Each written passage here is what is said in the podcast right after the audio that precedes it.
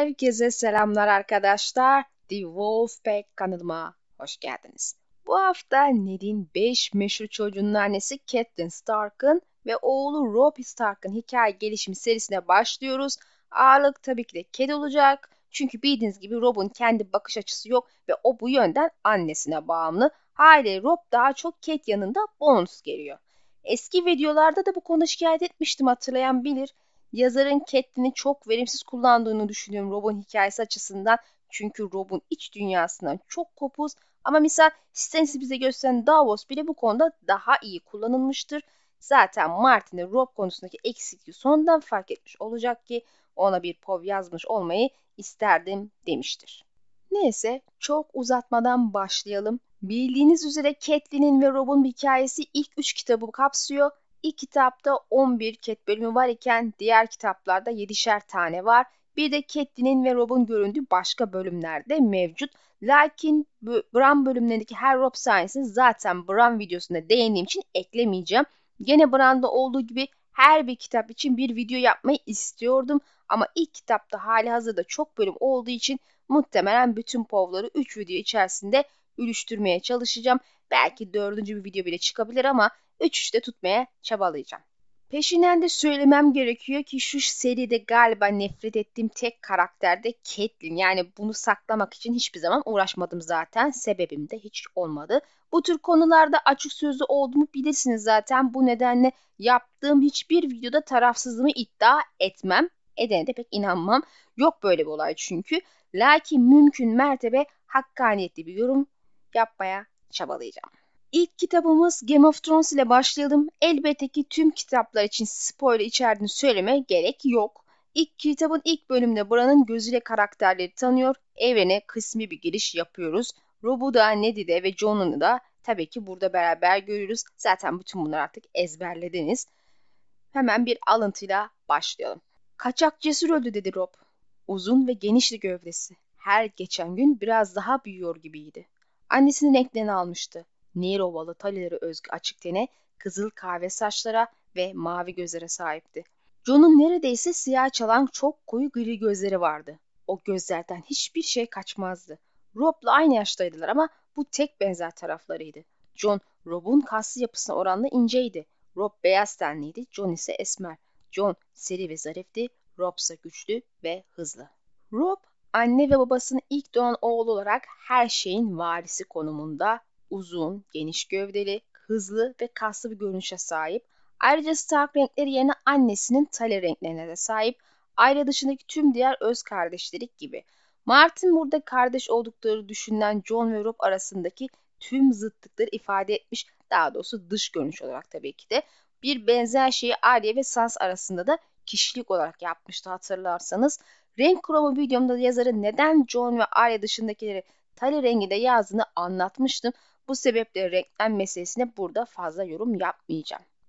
Daha sonrasında ise John ve Bran serisinden de artık ezberlediğiniz üzere Rob'un kurt yavrularını bulma sahnesi var. Bu noktada çok durmaya gerek yok. Zira Rob açısından bir önemi yok. Buradan Catelyn'in povuna geçiriyoruz. Catelyn bildiğiniz gibi Özde Tali doğumlu bir Güneyli ve isyan öncesinde Ned'in ağabeyi Brandon Stark ile 12 yaşındayken nişanlanmıştı.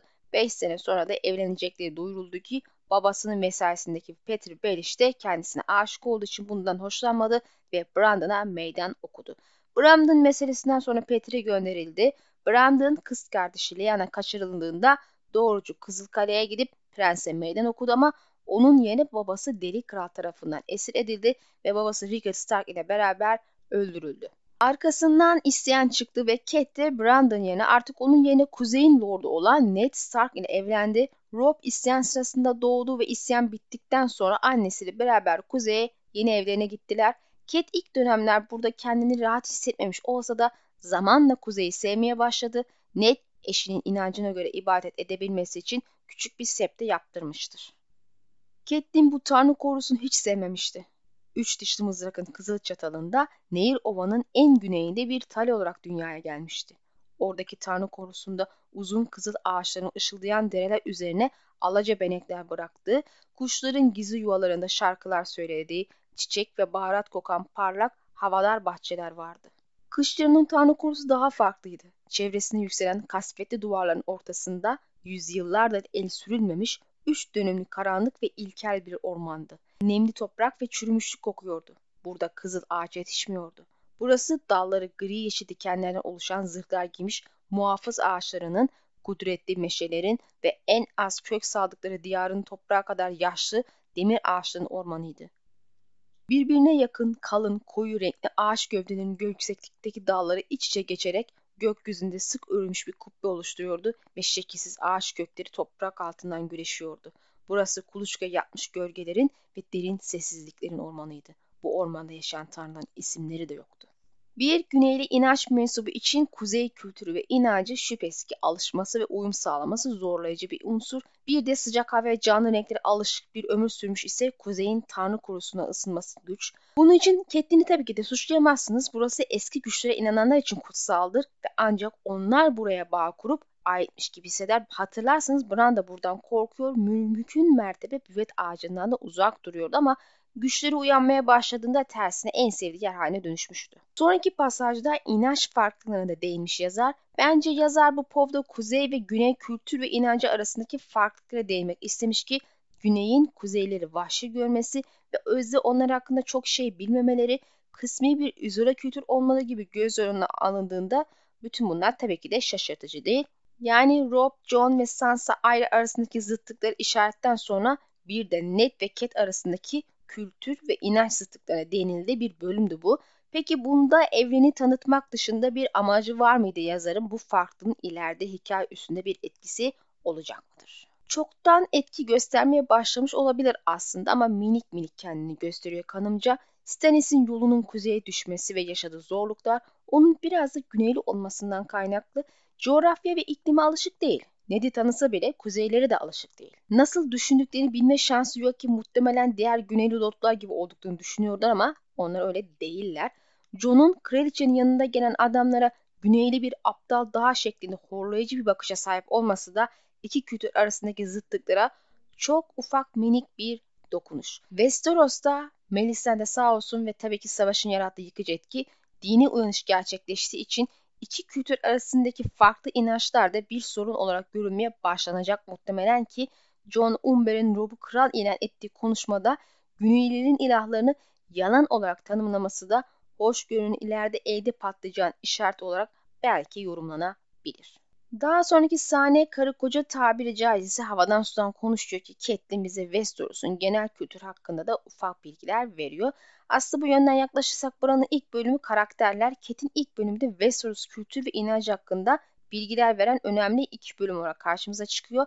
Paul Ket'in kocasına Lord Erin'in öldüğünü ve Kral Robert'ın mahiyetiyle beraber kuzeye geldiğini haber vermesiyle sona eriyor. Kral geldiğinde onun adına bir ziyafet düzenlenir ve Cat krala hakaret olur düşüncesiyle masalarında Jon'un oturmasını istemez ama daha önce Ned'in bu isteği neden kabul etmiş olabileceğine dair fikrimi söylemiştim hatırlarsanız. Robert'ın geliş amacı da bellidir. Ned'i kral ele yapmak ve kızı Sansa ile varis olan oğlu Joffrey'i evlendirmek. Teklifini kabul etmeyeceğim dedi Ned Catelyn'e dönerken. Gözleri düşünceli, sesi ağır ve tereddütlüydü. Catelyn yatakta doğruldu. Bunu yapamazsın. Yapmamalısın. Sana bahşettiği onur yüzüne geri fırlatamazsın. Onur mu? diyerek acı acı güldü Ned. Evet, onun gözünde öyle. Ya senin gözünde?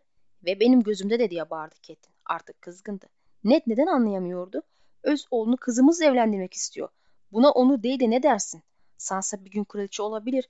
Onun oğulları Sur'dan Doğu dağlarına kadar her yeri yönetebilir. Bütün bunlardan bu kadar yanlış olan nedir? Kit elbette ki Ned ile aynı fikirde değil, onun teklifi kabul etmesini çok istiyor. Neticede Talis Stark kanı taşıyan biri kraliçe olacak ve onun oğulları da tüm Westeros'u yönetecek. E kocası kral el olacak. Her ebeveynin çocukları ve eşi için böyle şeyler tabii ki de ister bu çok doğaldır. Diğer içerisinde böyle büyük bir güç ve itibar şüphesiz ki herkesin seve seve peşinden koşacağı bir şey. Sanırım makam ve güç sahibi olma arzusu biz insanların hiçbir zaman kaybolmayacağı heva ve heveslerinin başında geliyor. Resmen bu iki şeye aşığız. Tabi unutmamak gerekir Georg Monmouth'un da dediği gibi insanı öldüren de genelde bu çok sevdiği şeylerdir. Tabi sonrasında olacaklarını bildiğimiz için Ket'in bu ısrarının sonu felaket olacak Starklar ve Tully'ler için. Kate ikna etmek için ilk aşama reddedersen kral bunu hakaret algılar diyerek şüphe eder senden ve tehlikeye düşeriz diyor ama Ned de öyle bir şey olmaz. Kardeşim gibi benim o sinirlenir, küfür eder ama bir hafta sonra tekrar kahkaha atarız beraber diyor. Daha sonraki bölümlerde Ned'in deneyi krala savunması ve istifa etmesi sahnesini hatırlarsınız. Robert'ın verdiği tepki çok e, şiddetliydi ve ilişkilerin nasıl sonuca bağlandığını düşünürsek bunun günün sonunda burada haklı olan Ned'in kendisi. Ayrıca 300 senelik Birleşik Yedi Krallık tarihinde bir makamı reddetti diye kaç tane kral bir lord ya da azam lorduna bilendi, şüphelendi ve saldırdı pek hatırlayamıyorum. Bir de Robert'tan bahsediyoruz. Sorunları hasır altı etmeyi tercih eden biri bu adam. Yani Kate'in tepkisi burada abartıydı ve tamamen kocayı ikna etme çabasına yönelikti. Liza John Erin'in öldürüldüğünü söylüyor. Ned'in parmakları karısının kolunu iyice sıkıyordu. Kim tarafından? Lannister'lar dedi Catelyn. Kraliçe tarafından. Catelyn kocasının yüzüne baktı. İşte şimdi başka şansın kalmadı. Kral eli olmak zorundasın. Onunla güneye gitmeli ve gerçeği öğrenmelisin. Catelyn kocasının bambaşka bir sonucu vardığını anlamıştı. Benim bildiğim bütün gerçekler burada dedi Ned. Güney kesinlikle uzak durmamız gereken bir yılan yuvası. Cat ve Ned tartışmasını sürdürürken Üstad Luwin Lysa'dan bir haber getirir ve yazanlara göre Aaron'ı öldürenler Lannister'lardır.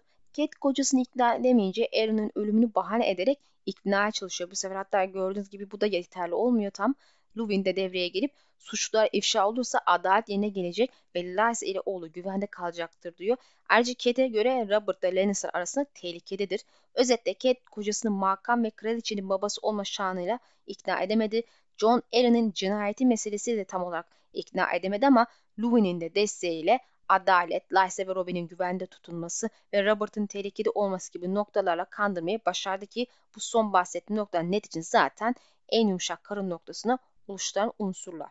Sizi bilmem ama bana göre Kate'in John Arryn'in ölümü ve Robert'ın tehlikede olması gibi şeyleri öyle çok da iddia ettiği gibi umursadığını pek zannetmiyorum. Yani tamam hiç kale almıyor demiyorum ama bunlar Ned'in e, kral eli olması ve Sansa'nın Joffrey ile evlendirilmesi meselesinde ikna aracı olarak kullanılan şeyler olmanın ötesine çok fazla gitmiyor onun için bana göre. Yani Lannister'lar öldürdüğü lafıyla hareket edip git ispat et diyerek de kızını Lannister'ların oğluyla nişanlama sevdası ne oluyor o zaman? Yani bahsettiği Lannister ta kayada oturan Tywin değil neticede. Cersei'den bahsediyoruz. Joffrey'nin de Ned'in annesinin cezalandırmasına katkı sağladıktan sonra kızı Sansa ile seve seve evlenip ona iyi davranmasını bekliyor yani? Kral olunca bunu bir geri dönüşü olmayacak mı Stark ve Talelere sizce? Bu kadar ileri düşünemeyecek kadar kıt akıllı değil ki bu kadın. Lakin düşünememiş işte. Gerçi Ned bunu muhtemelen düşündüğü için Bran'ın prenslerle beraber büyüyüp onlarla kardeş kadar yakın dost olmanı istiyor ki ailesi güvende olsun. Sonuç olarak Ned ikna oluyor ve Cat ile Luwin'e kuzeyi yönetmelerini ve zamanı geldiğinde Rob'un devralması için ona da öğretmeye devam etmelerini emrediyor. Bran ve kızları yanında götürme kararı da alıyor ama Jon meselesi bir sorun haline geliyor. Cat Jon'u hiçbir şart altında yanında istemiyor. Ned yok iken ona katlanması için bir sebep yoktur. Ned de onu sözüm ona piştiğini orada onu incitecek bir unsur olarak kullanacaklar diyerek götürmek istemiyor ama gerçek sebebin Jon'u başkente ve Robert'a yaklaştırmak olduğuna ne şüphe. Kate kısa bir zafer kazanıyor ama Bran vakasından sonra bu sefer gitme diye yalvarıyor. Fikri değişiyor ve gitmesine engel olmak istiyor bu sefer ama e, Ned tabii ki fikrini değiştirmiyor. Neticede verdiler gazı adama şimdi geri adım atmıyor Ned doğal olarak. Gerçi bana göre de Bran'ın yanında kalması en doğrusu ama görevi adamı olduğu için işte vazife belediği şeyin ardına düşüyor. Keşke başarılı olsaydı ama işte maalesef olamadı. Ya Jon Snow ne olacak lordum diye sordu Üstad Lubin. Catelyn çocuğun adı geçince gerilmişti. Ned karısının öfkeyle doğduğunu hissetti. Birçok erkeğin başka kadınlardan pişler peydahladığını bilerek büyümüştü Catelyn. Evliliklerinin ilk yılında Ned uzak topraklarda savaştayken bir kadınla yattığını ve kadının Ned'in piçi olduğunu dünyaya getirdiğini öğrenmek onu şaşırtmamıştı. Evinden uzakta neredeyse bir yıl geçirmişti. Ned güneyde savaşırken Catelyn babasının güvenlik kalesinde Nairova'da kalmıştı. Catelyn'in aklı çok aslında kocasında değil, meme emen oğlu Rob'daydı zaten. Savaş sırasında kocasıyla yatıp kalkan sokak kadınları umurunda değildi.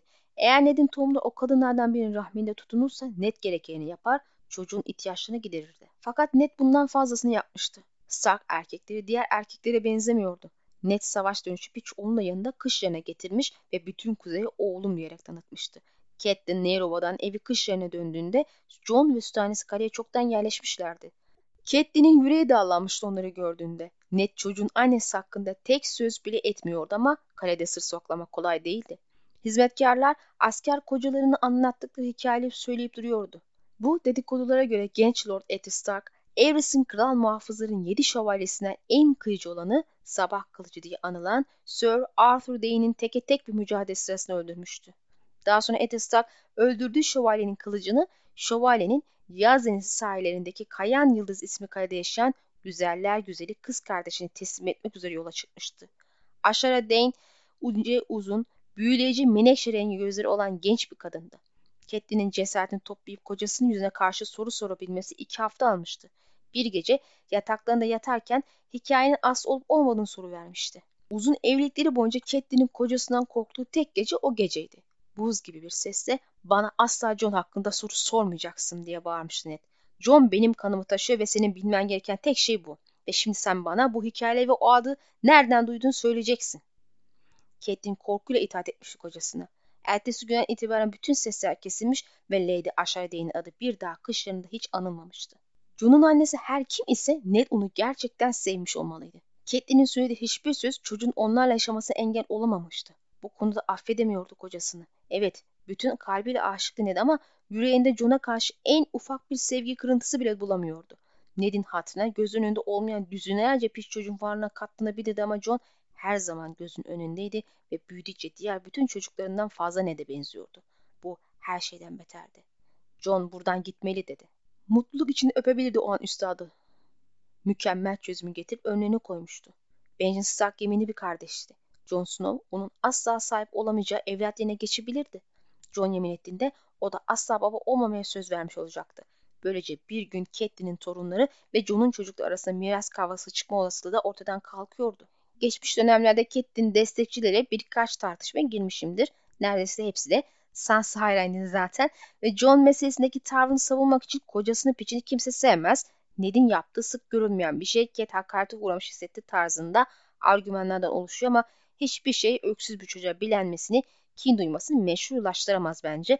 Özellikle de ortada suçlu varsa eşini altadan kişidir bu. Ona bir trip yapmayıp kini çocuğa yönlendirmek en hafif tabiriyle kötülüktür yani. Ket'in ikinci povunumun pasajını okumak bile Ket'in asıl derdinin kocasının bir piç sahibi olması olmadığını anlamaya yeter aslında. Onun da dediği gibi o erkeklerin piçleri olduğunu duyarak büyüdü. Yani bunu kafasında normalleştirmiş çoktan. Aklı nette bile değil, tek derdi yeni doğmuş oğlundaydı ve isterse bir düzine piçi olsun. Göz önünde olmadığı sürece de zaten bir sakıncası yok. Net gerekeni yapar, masraflarını karşılar çocuğun olur biter. Kate'in genel olarak üç derdi var. İlki kocasının başka bir kadını çok sevmiş olması ki bu konuda kıskanç olması, rahatsız hissetmesi çok doğaldır. Herkes eşinin başkasını seviyor olduğu gölgesinin aralarında hissettiği bir evlilikten tabii ki de rahatsızlık duyar. İkinci derdi ise ki ana dert biraz da bu aslında. John büyüdükçe ne de benziyor olması ama hiçbir oğlunun onun kadar benzemiyor olması. Ya en basitinden Stark renklerine sahip olmasından bahsediyoruz burada ama bu için sormadan bile Stark olduğunu anlayabiliyorsunuz. Kuzey Lordlarının Stark görünüşüne sahip bir piçi Tali rengine sahip meşhur çocukları tercih edebileceğinden endişelenmiş olabilir. Ha, biraz kuzey milliyetçi yapabilirler diye düşündü belki. Üçüncü derdi ise John'un kendisinin veya onun çocuklarının ileride kendi çocukları veya torunları ile miras kavgasına tutuşması ve Kate'in kanının hakkının elinden alınması. E bu aslında ikinci meseleyle biraz bağlantılı oluyor. Aslında bu mesele temelde çok anlamsız gelir bana hep. Çünkü John bir piçtir ve mirastan o veya çocukları hak sahibi olamaz. Yine de Kate'in böyle bir korkuya kapılması ve tüm hayatı boyunca bu kaygı içinde taşıması gariptir. Muhtemelen ilerisi için bir çeşit foreshadowing olabilir. Biliyorsunuz ki sonunda Rob'un mahallesi ve meşhur Stark olarak ilan ediliyor ve Bran ile Rickon hayattayken hatta Arya'yken Jon Snow kral olacak. Eğer kuramlarım doğru çıkarsa da hanenin suyu zaten Jon'dan devam edecek. E bu da Kate'in kabusu gerçek olacak demektir ama teknik olarak Kate bunları tabii ki de bilemezdi. Yine de belki de kadının hisleri çok güçlüdür ve bebeği görür görmez olacakları da hissetmiştir. Yalnız yine de ek bilgi olarak bahsedeyim. Baratheon öncesi fırtına topraklarına hükmeden fırtına kralları tarihinde bir piç yönetimi ele geçirmiştir. E bunun dışında aklıma böyle bir örnek gelmedi. Blackfire genelde önü sürüyor ama o meşrulaştırılmıştı. Bunlara ek olarak şu pişlere sahip çıkma pek yaygın değil argümanını boş olduğunu belirtmem gerekir. Doğumlar piçlerine genelde sahip çıkma eğilimindedir. Yanlarında büyütme anlamında. E, Robert'ın ve Gary'nin enesinin de piçleri kabul ettikleri biliyoruz. Keza değersiz Egon'un da. E, bununla beraber işte Lord Hornwood'un ve Rooseboat'un da piçinin himayesi altına alındığı biliniyor. E, bunun gibi bir sürü vaka var. Yani oldukça yaygın bir durum. Bundan sonraki Cat sahnesi John'un ikinci povuna ait olan Bran'a veda sahnesi ama John videosunda zaten ayrıntısıyla bahsettiği için burada tekrara girmeyeceğim. Sadece şunu tekrar etmek istiyorum. Cat'in genelde o sahnede olduğu gibi her gördüğü yerde John'a sözlü saldırılarda bulunduğunu veya işte yakaladığı yerde dövdüğünü falan tabii ki iddia edemeyiz. Martin'e genelde görmezden gelme eğilimde ama bu da bence tamamen doğru değil. En azından metin arana okuduğumuzda Cat John'dan duyduğu rahatsızlığı ve kendini çok net şekilde oğlan yansıtmış ki John bunu zaten biliyor haliyle ve oğlunun çekip gitmesi arzusunda pay sahibi biri. Ve Bran'ın yanına giderken veda için korkuyordu. Hatta söylediği bir sözün üstüne eskiden bu sözler onun koşarak uzaklaşmasını hatta ağlaması neden olabilirdi dediğine göre de daha önce bunları yaşamıştı. Yani Kate yüzünden koşar uzaklaşmış ve bir yerlerde ağlamış. Rob bile vedalaştığı sahnede annesinin kötü bir şey söylemiş olmasına endişelenmişti. Demek ki geçmişte kötü bir tavır sergilemiş olmuş bir şeyler. Martin bazen kendi yazdığı şeyi unutuyor gibi geliyor ve bu sadece göz renkleri ve atların cinsiyeti ile sınırı değilmiş gibi duruyor. Kate'in John'a söylediği son söz ise onun yerinde sen olmalıydın oluyor. Lanet mi oğlan nedir? Beşinci kitapta ölüyor zaten. Uzun lafın kısası Kate'in John'u düşmanlığın sebebi biraz kıskançlıktan biraz da çocukların geleceği için tehdit olarak görmesinden kaynaklı. Sevme ama yani çocuğa da düşman olmak nedir yahu? Kedi sevmeme engel olan iki sebepten biri bu John meselesi zaten. İleride bebeğimin başına bela olacak bence bu kadın. Ne mi yapıyorum diye sordu şaşkın halde. Bunu nasıl sorabilirsin? Ne yaptığımı düşünüyorsun? Kardeşine bakıyorum. Kardeşim Bran'la ilgileniyorum. Sen bu yaptıklarını Bran'la ilgilenmek mi diyorsun? Bran düşünden beri bu odadan hiç çıkmadın. Babam ve kızlar yola çıktığında kapıya bile inmedin. Rob'un sesi yumuşadı. O ölmeyecek anne. Üstad Luv'un en tehlikeli zamanları geride bıraktığını söylüyor. Peki ya Üstad Luv'un yanılıyorsa? Ya Bran'ın muhtaç olduğu an ben burada olmazsam? Rick'in de sana muhtaç dedi sertçe. Daha üç yaşında. Neler olup bittiğini anlamıyor. Herkes onu terk ettiğini düşünüyor. Bütün gün peşimde. Bacaklarımı tutumu ağlıyor. Onunla ne yapacağımı bilemiyorum. Bir an sustu. Küçük bir çocukken yaptığı gibi alt dudağını ısırdı. Anne, ben de sana muhtacım. Çok çabalıyorum ama her şeyin altına tek başıma kalkamam. Ruben sesi kırgınlıkla dolu bir an ve Catelyn tam o anda oğlunun daha 14 yaşında olduğunu hatırladı. Kalkıp yana gitmek istedi ama eli hala Bran'ın elindeydi. Hareket edemedi. Herkes gittikten 8 gün sonra Catelyn hala oğlu Bran'ın koma yatağının başından ayrılmıyor ve psikolojisi de gitgide kötüye gidiyor. Tabi bence günlerce uyumamasında bir katkısı var. Kadın resmen Bran'a takılıp kalenin işini ama daha kötüsü Rob ve Rickon'ı boşlamış durumda ve Lubun ile Rob da birlikte kaleyi çekip çevirmeye çalışıyorlar ki Rob her şeye yetişememekten şikayetçi. Dahası o da bir anda büyük sorumluluğa yüklendi ve tabii ki de hazır değil. Kardeşi komada ve her an ölebilir belki. Babası ve kız kardeşleri gitti. E tüm sorumluluk üstüne kaldı çünkü annesi Bran'ın yanından ayrılmıyor. Rickon annesini istiyor herkes onu terk etti diye ağlıyor ve Rob onunla nasıl ilgileneceğini bilmiyor. 14 yaşındaki bir genç için hazır olmadan sorumluluk altına girmek psikolojik olarak çok yıpratıcı bir şey tabii ki de. Burada Kate'i tabii ki de eleştirmek istemiyorum aslında çünkü onu gerçekten anlıyorum. Neticede oğlu ölümle yüzleşiyor ve ölecek diye korkuyor kadın. Tepkisi çok doğal bir şey. Ama annelerin ölen veya ölüm döşündeki çocuklarına takılarak yaşayan çocuklarını boşlamalarını doğru bulamam. Rob'un da söylediği gibi Rickon ve Rob'un annelerine ihtiyaçları var ki Rob bunu zaten kırgınlıkla söylüyor. Zira o da annesinin ilgisine ve yardımına muhtaç ama Kate saplantılı biri gibi Bran'a takıldı kaldı. Korkuyor, doğaldır ama güçlü olmalı ve üstüne düşeni yapmayı bilmeli. Neticede sonrasında ayaklanıp kral topraklarına kadar gidecek. Catelyn titriyordu. Acısı yüzünden, soğuk yüzünden, kurtların uluması yüzünden. Her gece uluyan kurtlar, soğuk rüzgar, hiç değişmeyen hep aynı boş gri kale, yatağında ölü gibi uzanan her tarafı kırık oğlu, çocuklarının en tatlısı, en zarifi, gülmeyi ve tırmanmayı seven, şövalyelik hayalleri kuran güzel Bran. Bran'ı gülerken duyamayacaktı bir daha.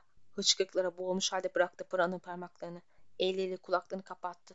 Onları sustur diye bağırdı. Dayanamıyorum onları sustur. Sustur. Gerekirse hepsini öldür ama onları sustur.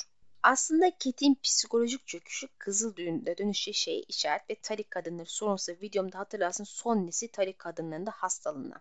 John Kate için demir demişti ve Martin Kate'in demir gibi olup da nasıl kırılmaya hazır olduğunu Bran sahneyle bize haber etmiş, altyapısını göstermiş. Pov kütüphane kulesindeki yangın vakasıyla devam ediyor. Joffrey'nin babasına yaranmak için arkasında bıraktığı suikastçının Bran'ın odasına gelip öldürmeye çalışması ve sonra Ket'in direnip vali reçeli ile elini kesilmesi ve ardından yazın gelip adamı öldürerek Bran ve Ket'i kurtarmasıyla tabii ki. Bazı okuyucular burada Joffrey'nin Littlefinger'ın tarafından etki altına alındığını ve olayın asıl failin o olduğunu düşünüyor ama Martin de söylediği gibi Littlefinger'ın onun üstüne bir etkisi tabii ki var ama o sırada Winterfell'de değil. Yani Joffrey kendi aklıyla babasını etkilemek için bir karar alıp böyle saçma sapan anlamsız bir harekette bulunuyor. Ben anlamıyorum yani gidip babasına aa ben öldürdüm Bran'ı ben suikastçı tuttum alkışla beni takdir etme senin dediğini yaptım mı diyecek yani nasıl bir şey düşünüyorduysa artık. Saldırı sonrasında Catelyn 14 gün boyunca uyuyor ve kendine geldiğine daha metanetli dinlenmiş ve sağlıklı bir psikolojiye kavuşuyor. Artık dertleri kimin neden Bran'ı öldürmek için bir suikastçı tuttuğu. Kate sonunda Bran'ın düşmediğini ve kuleden aşağı atıldığını ve muhtemelen failin de Jamie olduğu sonucu varıyor ki Robert Abdekin onlara katılmamıştı bunu hatırlıyor. Sorun şu ki sebebi konusunda bir fikri yürütmüşe benzemiyorlar. Sadece Bran'ın onun hakkında bilmemesi gereken bir şey biliyor olması üstüne durdular. Elbette kanıt bulmak ne de durumu haber etmek için Kraft topraklarına gitmeye karar veriyor ve Sir Roderick ile beraber yola koyuluyor. Bu povu okurken annesinin atılı fikrini söylemesi sonrası Rob'un çocuksu tepkisi ve Roderick'in Rob'a tepkisi dikkatimi çekti hemen alıntılayalım. Tanrılar diye bağırdı Rob. Gencecik yüzü öfkeyle kararmıştı. Eğer bu doğruysa bedeni mutlaka ödeyecek. Kılıcını çıkarıp havada salladı. Onu kendi ellerimle öldüreceğim. Sir Roderick kızdı. Onu hemen kınına sok dedi. Lannister şu anda yüzlerce ferse uzakta. Kılıcını kullanmayacaksan asla kınından çıkarma. Daha kaç kere zorundayım sersem çocuk. Rob mahcup bir şekilde kılıcını kılına yerleştirdi. Şimdi yine bir çocuk gibi görünüyordu. Görüyorum ki oğlum gerçek kılıç kuşanmış dedi Catelyn Sir Roderick'e. Yaşlı silah ustası artık zamanın geldiğini düşün diye cevapladı. Rob tedirgin halde annesine bakıyordu. Gelmişti ve geçiyordu bile dedi Catelyn. Oldukça çocuksu, neredeyse yetişkinin yönlendirmesi olmadan bir şey yapamayacakmış havası yarattı ama işin özüne oldukça doğal çünkü daha 14 yaşında. Gerçi o yaşlar olup da daha olgun olanlar var. Ama zorluk yaşamamış birinden fazla olgun tavırlar beklemek zaten yanlış olur. Dawson Martin zaten burada çocukluktan çıkmaya başlayıp yetişkine giden karakterler çizgisinde bize bunu yazmış. Haliyle ilk aşama bir çocuksu yönlerini görmemiz zaten gerekiyor. Jon'un surdaki ilk povunu hatırlayın ve işte veya Den'in işte ilk sahneleri gibi veya Arya'nın ve diğerlerinin hepsi hikaye böyle başladı ve sonra büyüdüler, olgunlaştılar. Daha doğrusu zaten öyle olmak zorunda kaldılar. Adeta bir kahramanın yolculuğu şablonu. Kete yola çıktığı sıralarda da Bran uyanır ama tabii ki kendisi bunu daha sonra duyacaktır. Deniz yoluyla başkente gitme kararı aldığı için netten önce kral topraklarına varacaklar ama Sir Roderick'e kalsa balıkçı teknesiyle daha denize geçecekler. Adamdaki mantığa bakar mısınız? Lakin bana saçma gelen başka bir şey değinmem gerekiyor. Şimdi Erwin'in ölümü ve Bran'a suikasttan Lannister'ları sorumlu tuttukları için başkente gittiğini onların bilmesini istemiyor. Çünkü işte şüphelenecekler falan düşünüyor. Neden şüphelenecekler? Tabii ki de tüm bu Erwin ve Bran meselesinin ardında onların olduğundan haliyle hızlıca karşı hamle yaparlar falan kafasındalar. Ama deniz yolculuğunu yaparken hiç de kimliğini gizleme ihtiyacı hissetmiyor. Oysa kendi evinde doğduğu topraklarda gezinirken kimliğini gizleme ihtiyacı hissediyordu. Yani saçmalığa gelin işte. Kimliğini bilen de aşk gözü olmayla bilinen Tyroşlu bir kaptan. Kuzeyli de değil yani. Kendi de biliyor aşk gözü ve güvenilir olmadıklarını. Bu sebeple kürekçiyle vermek istediği ödül parası ona vermek ile kendi bizzat vermek istiyor. E şimdi mantıken bu herifin bu bilgiyi en çok parana verene satmasını beklerim. Bu sebeple kimliğimi gizlerdim ama işte çelişkiler dünyası deyip geçiyoruz. Zaten de Tyroş'un Moria'nın kimliğini ve yerini birine, birine sattığını sonucuna vardı sonradan. Bu kişi muhtemelen Varys'tir. O da Littlefinger'a haber verdi ve Cat gizlice Kızılkale'ye Littlefinger'ın yanına götürüldü. Varys'te dahil üçü hançer meselesi ve diğer şeyler hakkında ayaküstü konuştu ve Petri hançerin kendisine ait olduğunu Joffrey'nin isim günü için düzenlenen turnuvada Tyrion'a kaybettiği yalanı söyledi. Muhtemelen Joffrey'nin aptallığı serçe parmak için bulunmaz bir fırsat yarattı ve böyle bir yalan söyledi. E, Varys orada ve olan bitenin farkında olma neticede hançeri aslında Robert'a kaybettiğini biliyor ama yine de Littlefinger umursamadan yalanı söylüyor. Nasıl? Neden? Aslında Martin'in iki tat oyuncusunun ilişkisi hakkında şöyle bir açıklaması var. Bize bu durumu anlatıyor. Varys ve Littlefinger her birinin birbirleriyle ilgili zararlı şeyler bildiği Ancak hiçbirinin diğerinin niyetinden emin olamadığı Littlefinger daha yakın olsa da politik bir dans oynuyor. Yani iki tarafta iyi kötü birbirlerinin oyunlarının farkında, amaçlarının tam farkında olmasa da ve meydanda ikisi de dans ederken birbirlerine göz yumuyorlar ve birbirlerinin gizli sırrını saklıyorlar. E bu sebeple Peter Ratchiverius'ın yanında yalan söylüyor gerçi anlatmayacağını iyi bildiğinden. Çünkü eğer zaten anlatırsa o da onunkini anlatacak. Sonuç olarak Catelyn bu yalanı bir güzel yutuyor. Bu konuda onu suçlayamayız sanırım. Lysa'ya da inandı çünkü o kız kardeşi ve böyle bir olayda yalan söyleyeceğini düşünemez. E Littlefinger'da çocukken kardeş kadar yakındı ve muhtemelen sinsiliğini hiç göremedi ve dönüşü şeyde görmekten uzak ki serçe parmağın herkese yardım eden mahallenizin tonton dostu gibi etrafta dolandığı da bir gerçek. Bir sonrakinde Littlefinger kadını saklamak için genel evlerine birine götürüyor ve Ned de geldiğinde kısa bir konsey toplantısı sonrası hemen onu alıp karısının yanına götürüyor. Kate bütün olan bitenleri kocasına anlatıyor ve serçe parmağın Aaron meselesinde ona yardım edeceğine ve güne, güvenebileceğini söylüyor. Ned olası bir savaş durumuna karşı Mandarin'in beyaz zamanı güçlendirmesini, Talhat ve Glover'a Maud Cailin'e toplamda 200'er okçu yerleştirmesi emrettiğine dair mektupları Kate'e veriyor. Sonrasında ise top Ned'dedir bütün bu olanların kanıtını bulup krala gidecek onun bir zamanlar olduğu kişi olmaya devam ettiğini umucaktır. Ki tabii ki endişeleniyor savaş meselesinde. Aslında ilk povda Ned'in mesele savaşma ihtimaline karşı da korkuyla tepki vermişti. E, haklı olarak bir savaşın çıkmasını ve ailesinin tehlikeye girmesini istemiyor kadın. Ned işin bu noktaya varmayacağına dair söz veriyor ama olanları zaten hepimiz biliyoruz. Yolların birleştiği yer onu duraksattı. Buradan batıya dönseler kolaylıkla Nero'ya varabilirlerdi. Her ihtiyaç duyduğunda babası ona bilgece tavsiyeler vermişti ve Catelyn şimdi babasıyla konuşmak, onu gelen fırtınaya karşı uyarmak istiyordu. Eğer kışları bir savaş hazırlanmak zorunda kalırsa kral topraklığına çok daha yakın olan Nehir Ova'nın batının üzerine gölge gibi çökmüş Kesri kayasının güç karşısında daha sık hazırlıklara ihtiyacı olacaktı. Keşke babası biraz daha güçlü olsaydı. Hostertali iki yılda yatalaktı ve Catelyn babasına yeni dertler yüklemek istemiyordu. İş savaşa varmamalı diye düşündü Catelyn endişeli. Buna izin vermemeliydiler. Kate dönüş yolculuğunu neden bilmem karadan yapmayı seçti arkadaşlar bu sefer. Bu aslında bana anlamsız gelen bir hareket İlk seferinde deniz yolculuğu ne kadar hızlı olduğunu bize göstermişti. Düşünün en az 23 gün önden giden kafileyi deniz yolculuğu yaparak geçti ve birkaç saat sonra da net geldi. Denizden dönmesi tanıyabilecek gözlerden daha ırak yapardı onu. Özellikle turnuva yüzünden şimdi bir sürü lordun ve şövalyenin başkenti akın ettiği düşünülürse hani gerek giderken gerekse dönerken Kit tanınmak için her şeyi yapmış gibi duruyor.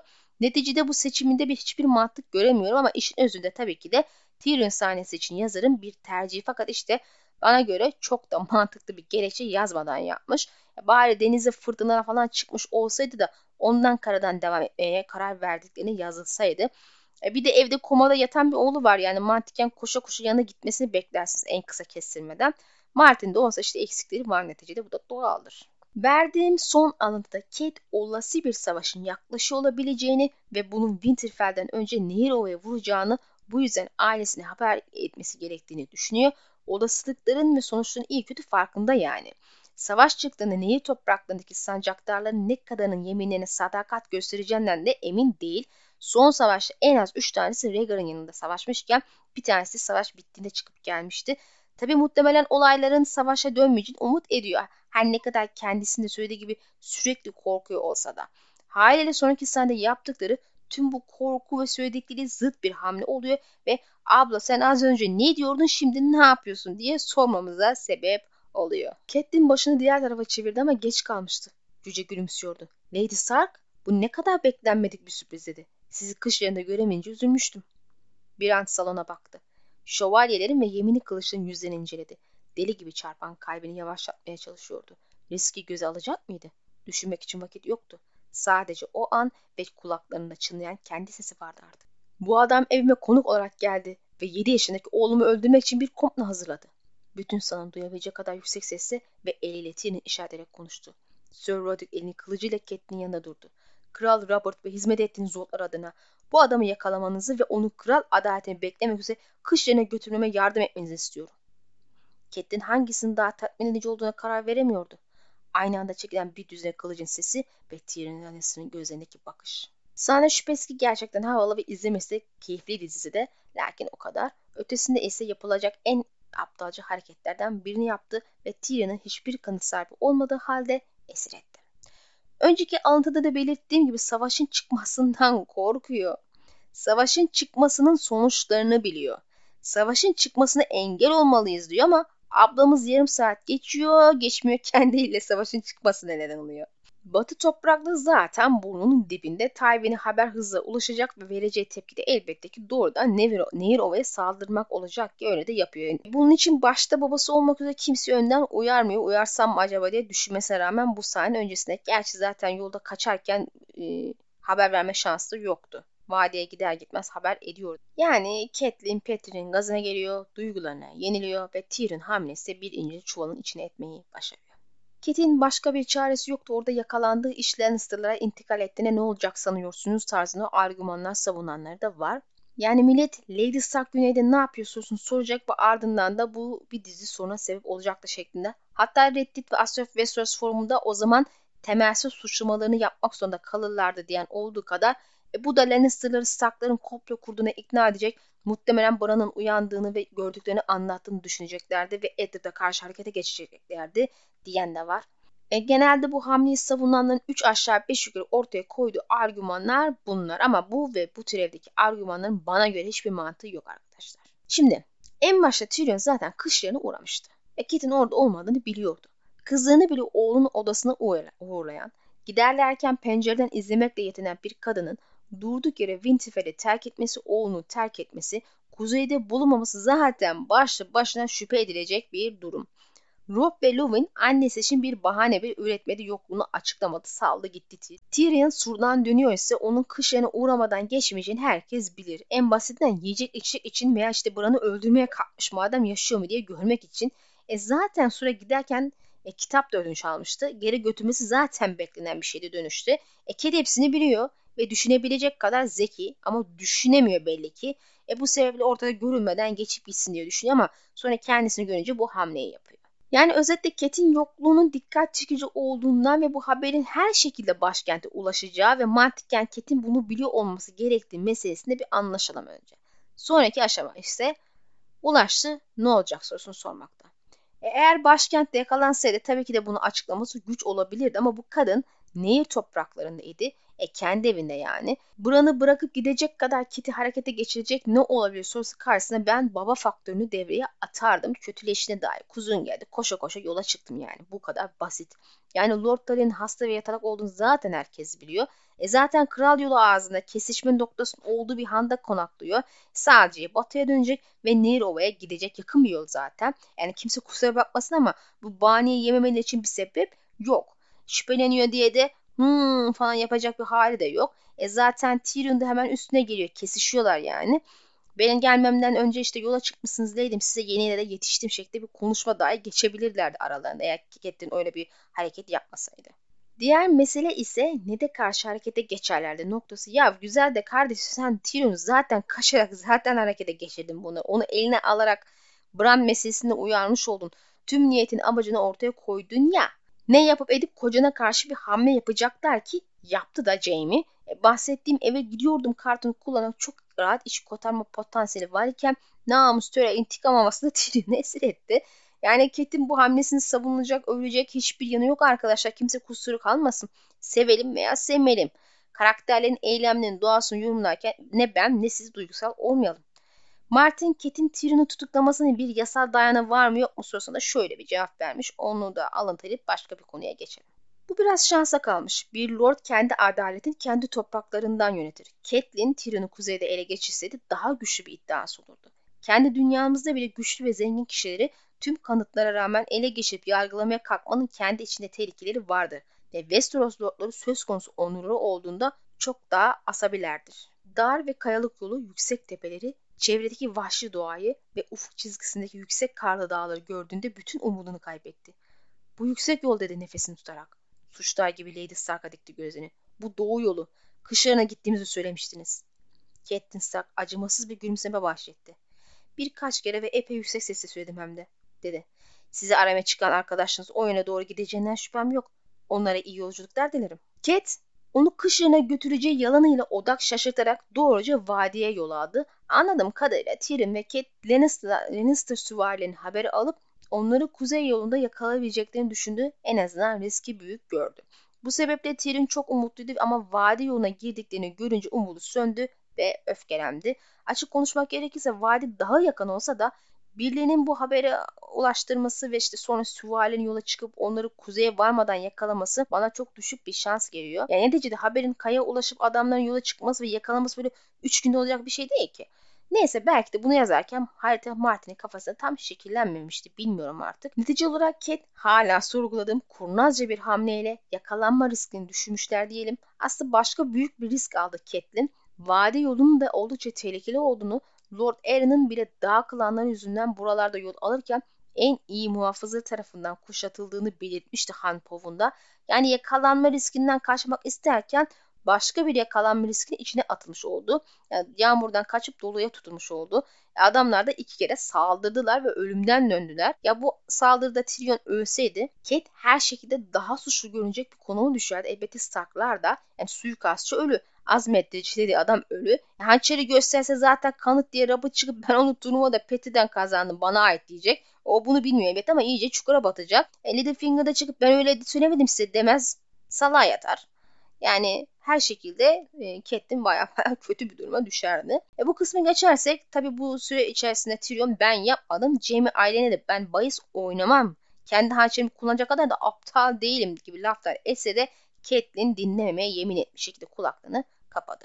Bunda anormal bir durum var diyemeyiz tabi. Neticede kardeşi gibi gördü Petre yerine hırsız, hırsları ile ün yapmış Lannister'ın sözüne güven duyması beklenemez.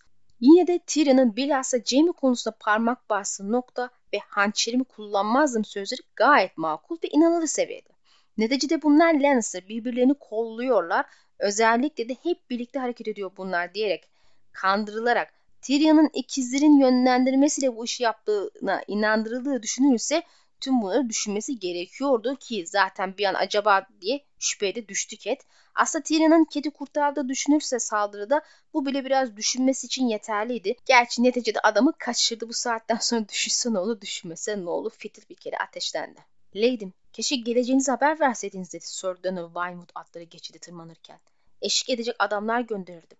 Yüksek yol bu kadar küçük bir grup için hiç güvenli değil.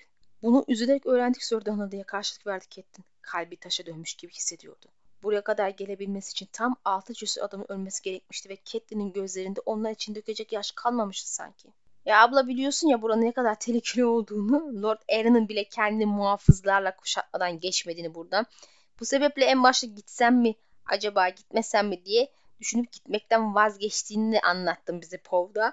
Nasıl yeni öğreniyorsun? İşte böyle çelişkili şeyler gördüğümde karakterin kendisinden mi yoksa yazarın kendisinden mi kaynaklı gerçekten bilmiyorum merak ediyorum. Tamam vadi yolculukları kararı aldı yol uzadı. Denizden beyaz zemene geçişte neden eğriye gidiyorsun diye sordum hala ister istemez.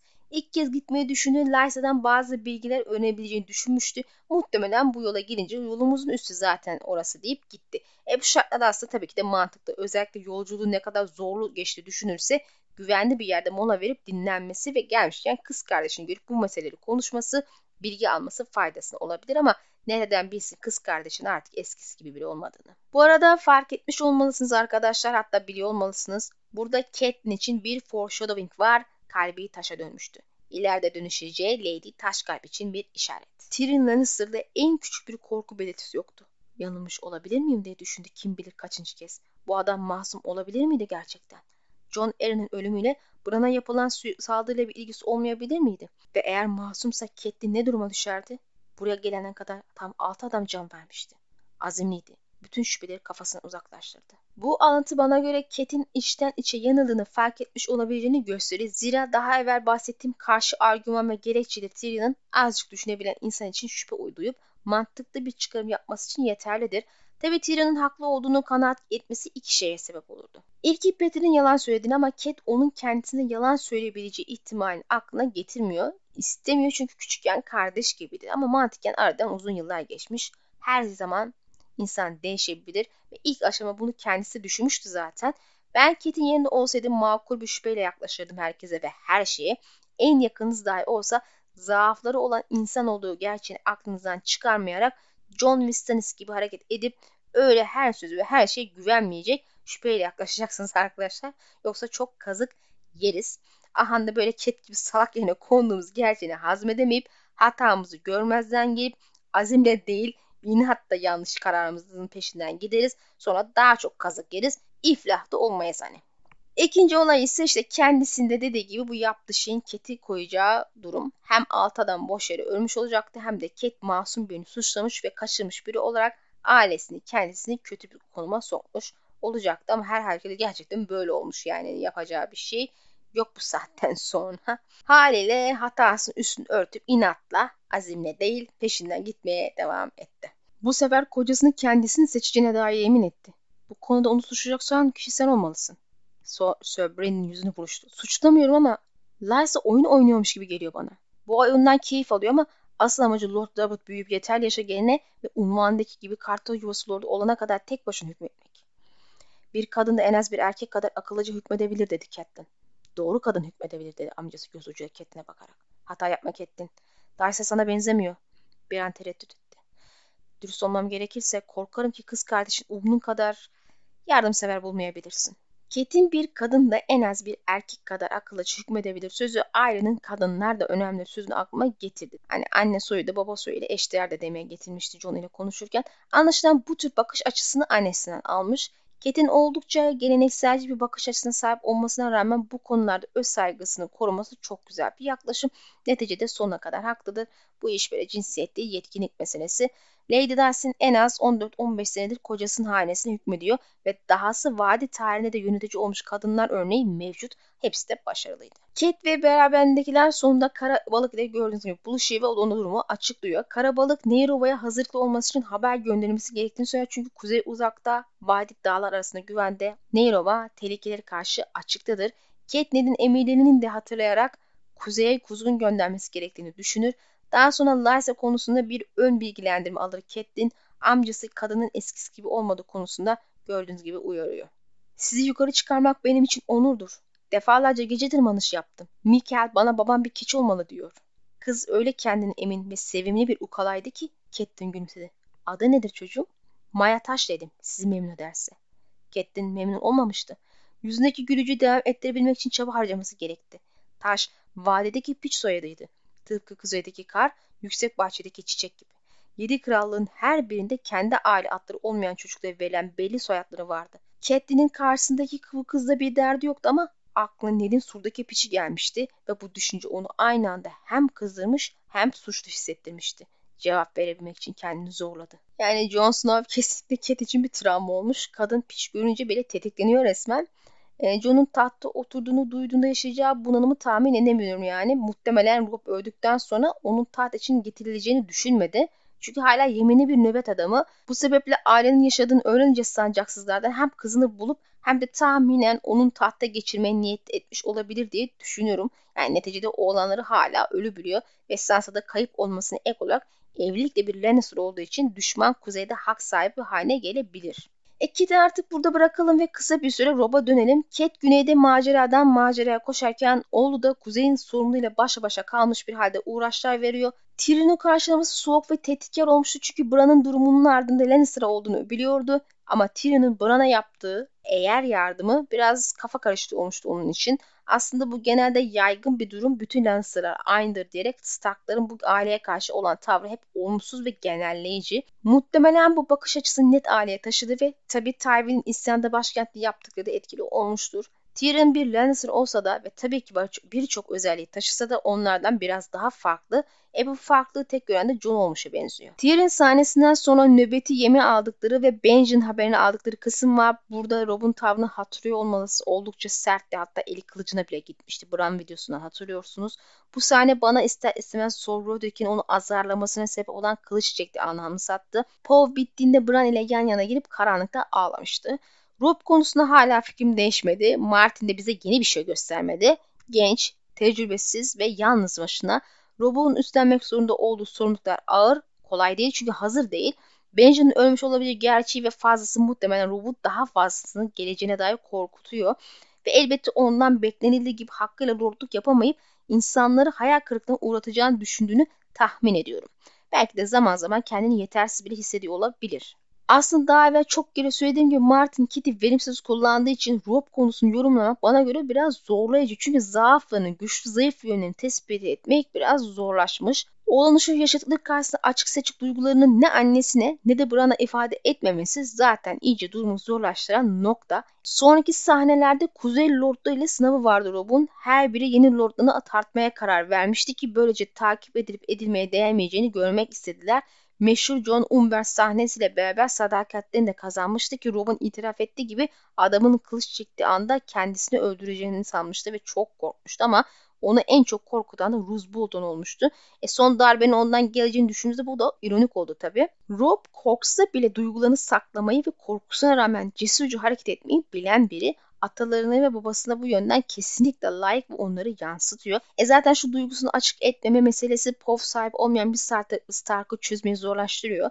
E bana göre kesinlikle Martin yaptığı en büyük hataların başına geliyor ona bir POV yazmamak. Ben de dinliyorum onu dedi Rob. Herkesi dinliyor. Verdiğim alıntıda Rob'un çevresindeki dinleme eyleminde olduğunu görüyoruz. E zaten yetkin olsun ya da olmasın dinlemesin gerekir. Akıllıca olan budur bir insan için ama bana göre Rob için şöyle bir durum söz konusu. Öncelikle tecrübesiz olması zaten başlı başına bir sorun. Bu sebeple çevresindeki yetişkinleri daha fazla dinleme eğiliminde. E sonraki videoda göreceğiz. Maud Caitlyn'le buluşunda hala annesinin yönlendirmesine ihtiyaç duyuyor. E tabi zaman içinde bu yavaşça değişmeye ve kendisi de büyümeye başlayacak. Fakat tecrübesizliğinin cefasını çekmeye devam edecek ve göreceğiz ki savaşta komutanlık yapmakta babası gibi başarılı olsa da genel eylemlerinde sonraki adımın sonuçlarını tam olarak hesap edememe sorunu da yaşıyor. Artık kış yorulurdu sensin dedi Rob. Gri bir aygıra biniyordu. Üzerine kadim kurtbaşı oyulmuş çelik takviyeli gri beyaz ahşap kalkanı atının yan tarafına asılıydı. Rengi açılmış derilerin üzerine geçirilmiş örgü zırh giyiyordu. Omuzlarında kürk kaplı pelerini, belinde hançeri ve kılıcı vardı. Ben dönene kadar benim yerimi almalısın. Tıpkı benim babamın yerini aldığım gibi. Rob da artık savaş için güneye at sürüyor. Orduların ilk hedefi Mod Kaelin. Orada savaş planlayıp harekete geçecekler ve Cat ile buluşacaklar. Rob'un kalkındaki kurtbaşı ayrıntısına dikkat bu onun kişisel arması. Biliyorsunuz bazı aile üyeleri kendilerine özel armalar alabiliyorlar. Misal daha kitaplarda açıklamadı ama eğer ileride ayrıntıda değişik olmazsa Martin, John'un da bir kişisel arması olduğunu ve bunun geleneksel Stark'lerin tersi olduğunu açıklamıştı. Yani işte demin Blackfire'ın yaptığı gibi. Armanın kurtbaşı olması da tabii bir işaret gibi duruyor. Muhtemelen ileride Rob öldüğünde başının kesilip yerine kurdunun başına konmasında bir gönderme. Rob'un da artık yola çıkmasıyla ilk videonun sonuna geldik arkadaşlar. Bir sonraki videoda Cat'in Tyrion ve Lysa ile olan sınavı ve Rob ile beraber güneyde yaptıkları savaşı yorumlayacağız inşallah. Umarım genel olarak memnun kalmışsınızdır yorum yapmayı ve destek için paylaşmayı da lütfen unutmayın. Sonraki videoda görüşmek üzere. Allah'a emanet olun.